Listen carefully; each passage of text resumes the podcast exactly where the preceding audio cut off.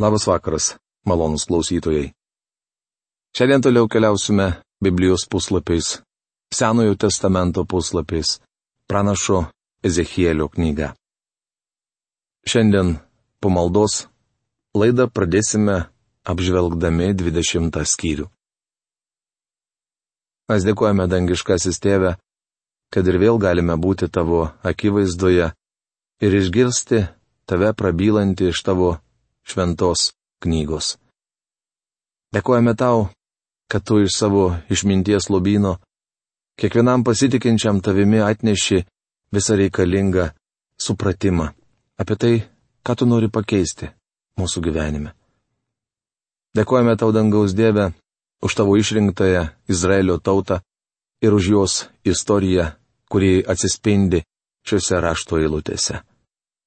Ačiū tau, Tėve, kad žvelgdami į tos tautos pavyzdį galime suprasti, jog tu esi šventas ir teisingas ir nuodėmė niekada negalės išstovėti tavo akivaizdoje. Todėl prašom, kad šį vakarą savo šventuoju žodžiu, šventąją dvasę apšviestum mūsų širdies akis ir padėtum kiekvienam pamatyti save tokius, kokie iš tikrųjų esame ir kokius iš tikrųjų tu mus matai. Todėl tau dėkojame už tas akis, kurios yra tavo žodis. Padėk mums nesipriešinti ir išgirsti, jeigu to reikia pakaltinimą, taip pat ir padrasinimą. To melžiame mūsų viešpatės ir gelbėtojo Jėzaus Kristaus vardu.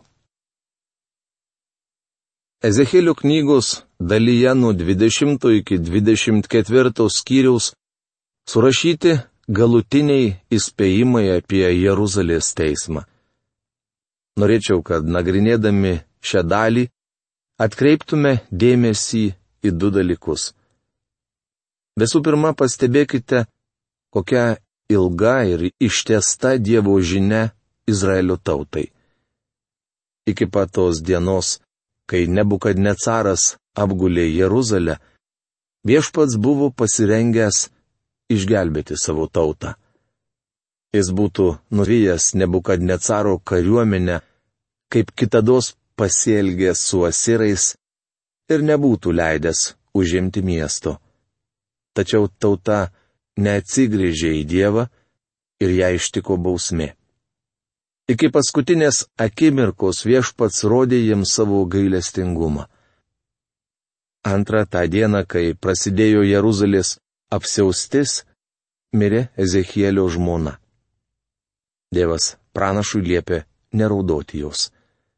Kaip matote, Ezekielis labai skiriasi nuo verkiančio pranašo Jeremijo, kuris buvo nepaprastai minkšto širdies. Žinia, kurią privalėjo skelbti Jeremijas, jam pačiam vėri širdį. Viešpats Jėzus verkė Jeruzalės, todėl buvo lyginamas su pranašu Jeremiju. Tuo tarpu Ezekėlis man panašus į aktorių, atliekantį savo vaidmenį. Susidaro įspūdis, kad šis vaidmuo jo visai nejaudino. Galima pagalvoti, kad Ezekėlio širdis buvo kieta kaip akmuo, o jis pats buvo tik Dievo garsiakalbis. Tautos nuodėmės, būsimasis teismas ir Izraelio atkūrimas.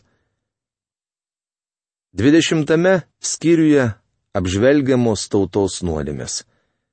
Skaitydami šį skyrių pamatysime, kad Ezekielis kelbė ne savo, o Dievo žodžius.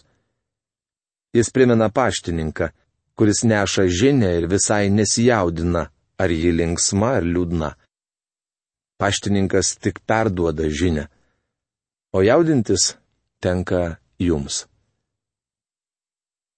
Septintų metų penkto mėnesio dešimtą dieną keletas Izraelio seniūnų atėjo pasiklausti viešpaties. Jie susėdo priešais mane. Ezechielio knygos 20 skyriaus pirmą eilutę. Kaip matote, tautos seniūnai ėmė dažniau kreiptis į Ezechielį. Dabar jie atėjo pasiklausyti viešpatie žodžio. Tai vyko maždaug 590 metais prieš Kristų. Neilgai trukus, maždaug 588-586 metais prieš Kristų, Jeruzalė buvo sunaikinta. Visgi šių datų negalima vertinti dogmatiškai. Mane pasiekė viešpaties žodis. Ezekėlio knygos 20 skyriaus antra eilutė. Pranašas kelbė ne savo, bet viešpaties žodį. Žmogau, kalbėk Izraelio seniūnams ir pasakyk. Taip kalba viešpats Dievas. Ar jūs ateinate manęs pasiklausti? Kaip aš gyvas, neatsakysiu jums. Tai viešpaties Dievo žodis. Ar patrauks juos į teismą žmogau? Ar patrauks juos į teismą? Parodyk jiems jų protėvių bjauriuosius darbus. Ezekėlio knygos 20 skyriaus 3-4 eilutės. Seniūnai buvo atėję pasiskūsti ir išreikšti savo nepasitenkinimo Dievu. Jie sakė, kad Dievas bus neteisus, jei nubaus juos ir sunaikins Jeruzalę. Pagaliau seniūnai ėmė suvokti, kas laukia jų tautos. Ezekėlis dar kartą viską pakartojo. Kaip matote, Dievas neketina slėpti savo kaltinimų ar artėjančios bausmės priežasčių. Pasakyk jiems, taip kalba viešpats Dievas. Ta diena, kai išsirinkau Izraelį, iškilmingai prisiekiau Jokūbo namų palikonims, apsireikšdamas jiems Egipto žemėje, prisiekiau jiems sakydamas, aš esu viešpats, jūsų Dievas. Ezekėlio knygos 20 skyriaus 5 eilutė. Dievas grįžta prie tautos ištakų. Jis išvedė Izraelitus iš Egipto vergovės ir atvedė į dykumą. Bet Izraelio namai maištavo prieš mane dykumoje. Jie nesilaikė mano įstatų, atmetė mano įsakus, kurių žmogus turi laikytis, kad per juos gyventų, ir labai išniekino mano šabus. Tuomet ketinau išlieti savo įniršį ant jų dykumoje, kad padaryčiau jiems galą. Ezekėlio knygos 20 skyriaus 13 eilutė. Ana karta sukilo prieš Dievą ir jis leido jai išmirti dykumoje. Bet vaikai maištavo prieš mane. Jie nesekė mano įstatais, nesilaikė rūpestingai mano įsakų kurių žmogus turi laikytis, kad per juos gyventų, ir labai išniekino mano šabus. Tuomet ketinau išlėti savo įniršį ant jų, išgėžti savo pyktį ant jų dykumoje. Tačiau sulaikiau savo ranką ir pasielgiau kitaip dėl savo vardo, kad jis nebūtų išniekintas akise tautų, kurioms stebint buvau juos išvedęs. Ezekėlio knygos 20 skyriaus 21-22 eilutės. Kita karta taip pat buvo maištinga. Bet to daviau jiems įstatus, kurie nebuvo geri, ir įsakus, kuriais jie negalėjo būti gyvi. Suteršiau juos jų pačių dovanomis, visų jų pirmagimių aukojimu, įdant taip juos sukrėščiau, kad žinotų, jog aš esu viešpats. Ezekėlio knygos 20 skyriaus 25-26 eilutės. Šios griežto šventojo rašto pastraipos prasme įvairūs šventojo rašto komentatoriai suvokia skirtingai. Mano manimu, Čia išreikšta ta pati mintis, kurią Paulius užrašė antro laiško korintiečiams antros kiriaus 15-16 eilutėse. Juk mes esame Kristaus kvapas Dievui tarp einančių į išganimą ir žengiančių į pražūtį. Vieniems mirties kvapas nešantis mirtį, kitiems gyvenimo kvapas vedantis į gyvenimą. Kai Dievo tauta atmetė jo žodį, jis atidavė juos savo pačių sugėdimui. Geras įstatymas virto blogu, nes ėmė smerkti ir teisti izraelitus. Panašiai šiandien yra su Evangelija.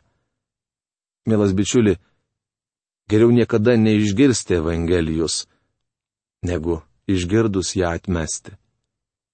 Jei atmetate gerąją naujieną, ji tampa jums mirties kvapu. Negalėsite pasiteisinti Dievui, jog niekada jos negirdėjote. Analizuodami šį griežtą pasmerkimą galime susidaryti įspūdį, kad Dievas visam laikui išsižadėjo Izraelio tautos. Tačiau Ezehelio knygoje tai vienur, tai kitur aptinkame nuostabių pažadų. Tamsiausių Izraelio tautos istorijos laikotarpiu pranašyšių šviesa spindėjo ryškiausiai. Kaip aš gyvas, tai viešpaties Dievo žodis - galinga ranka, ištiesta dešinė ir išlėdamas įniršį valdysiu jūs kaip karalius. Galinga ranka, ištiesta dešinė ir išlėdamas įniršį išvesiu jūs iš tautų ir surinksiu iš kraštų, po kuriuos buvote išblaškyti. Ezekėlio knygos 20 skyriaus 33-34 eilutės. Dievas sako Izraelitams, kad vieną dieną sugražins juos jiems priklausantį kraštą. Jis dar turi tikslų Izraeliui. Ateityje tie, kurie kaltino Dievą neteisumu, pripažins jo teisumą. Mane pasiekė viešpatie žodis. Žmogau, pasisuk veidų į pietus, skelk pietų šalį ir pranašauk miškų kraštui negebe. Sakyk negebo miškui, išgirsk viešpatie žodį. Taip kalba viešpats Dievas. Tikėki manimi, užkursiu tavyje ugnį, kuri sudegins visus tavo medžius, žaliuojančius ir nudžiuvusius juos deginanti liepsna nebus užgesinta, visų veidai bus nusvilinti nuo pietų lygi šiaurės. Ezekėlio knygos 21 skyriaus 1-3 eilutės. Posakį pranašauk miškų kraštui negebe, kostas burbulys verčia taip. Pranašauk miškui pietų šalyje. Vieni komentatoriai mano, kad čia kalbama apie judą, kiti galvoja, jog pranašas turi omenyje negeba. Šiaip ar taip, tai kraštas pietuose. Apsilankę negebe šiandien turbūt klaustumėte savęs, kas atsitiko miškams. Bičiuli, Dievas baudė tą kraštą. Jis sakė, kad sudegins visus jo medžius.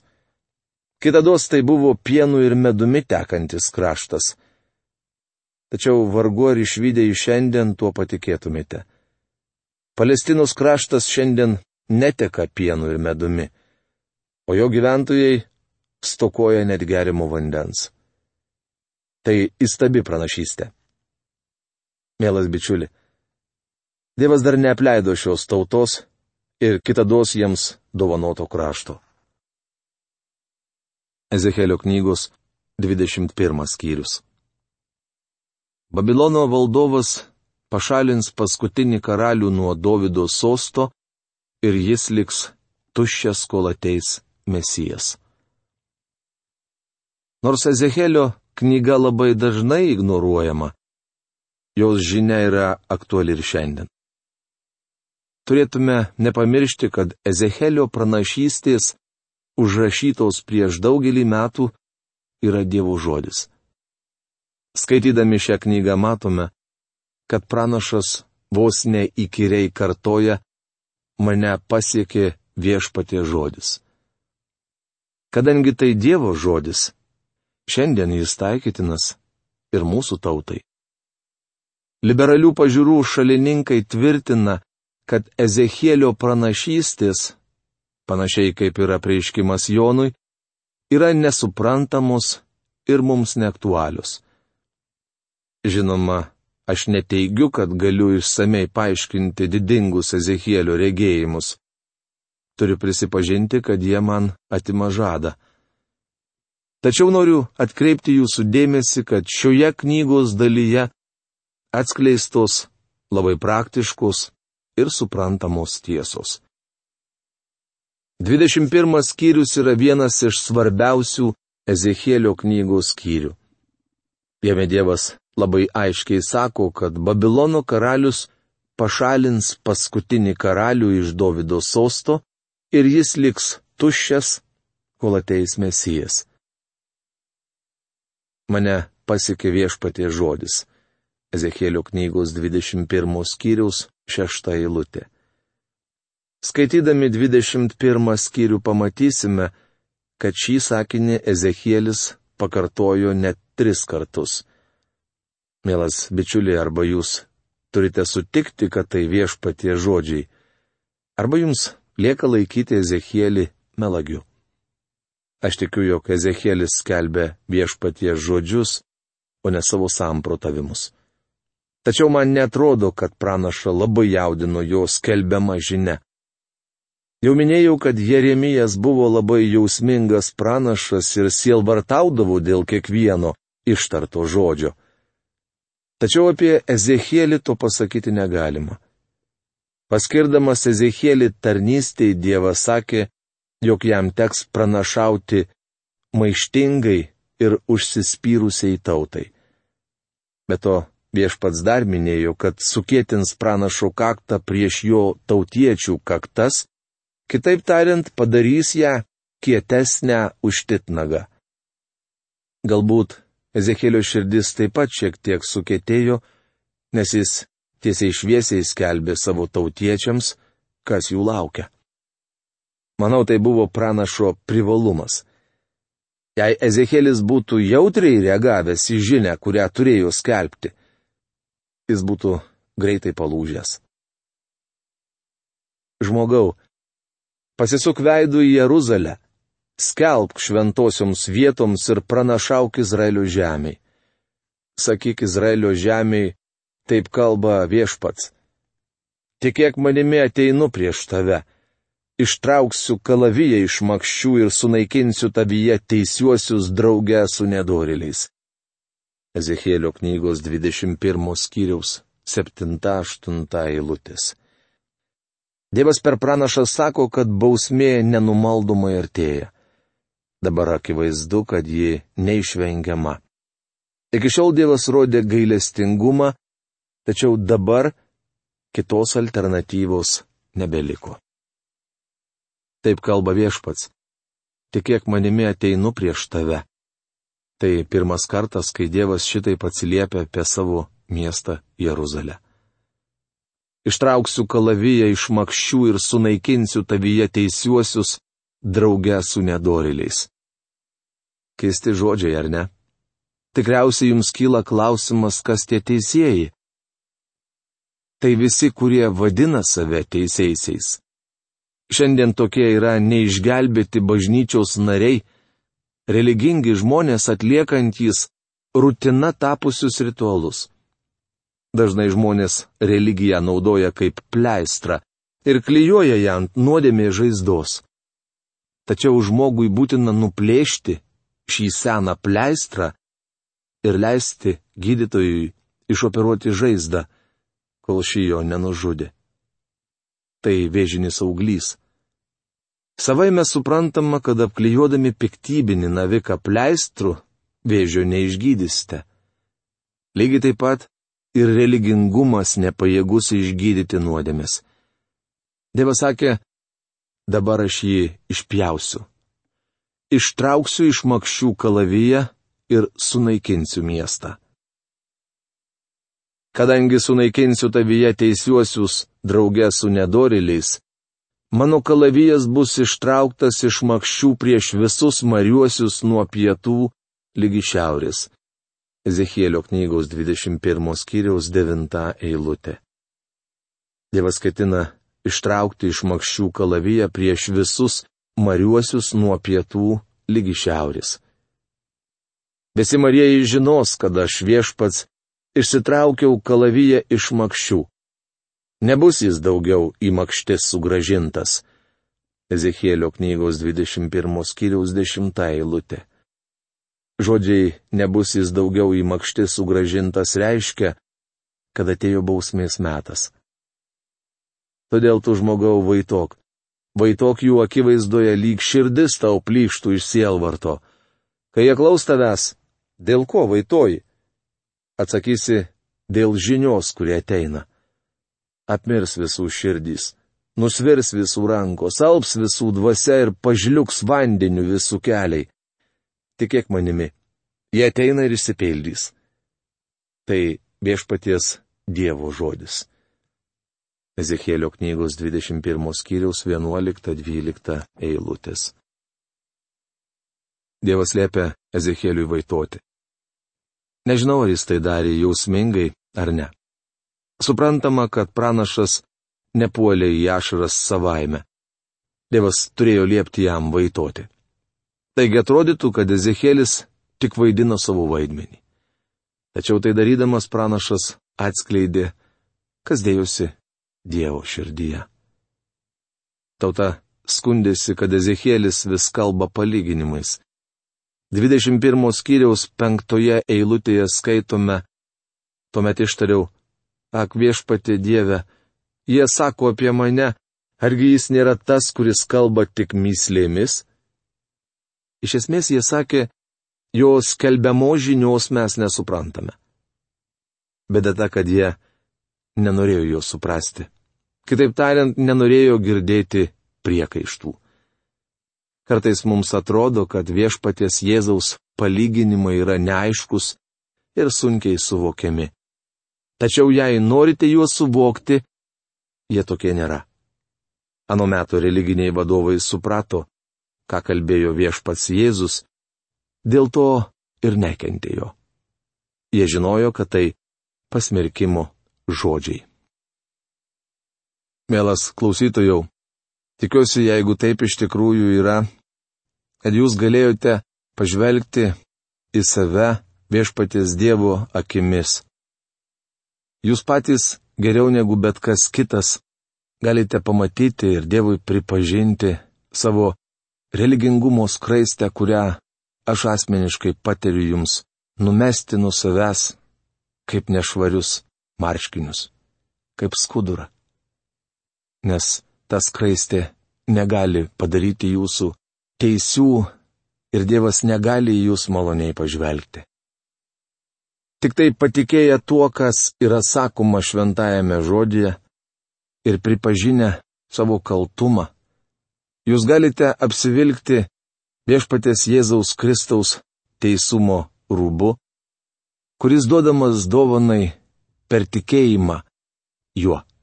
Per tikėjimą tuo, ką pats Dievas be mūsų pagalbos dėl mūsų nusidėjėlių padarė.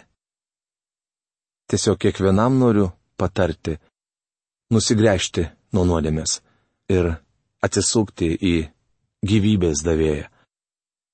Tad būkite gyvi. Tuo šios dienos laidą ir baigiame. Iki greito sustikimo. Sudė.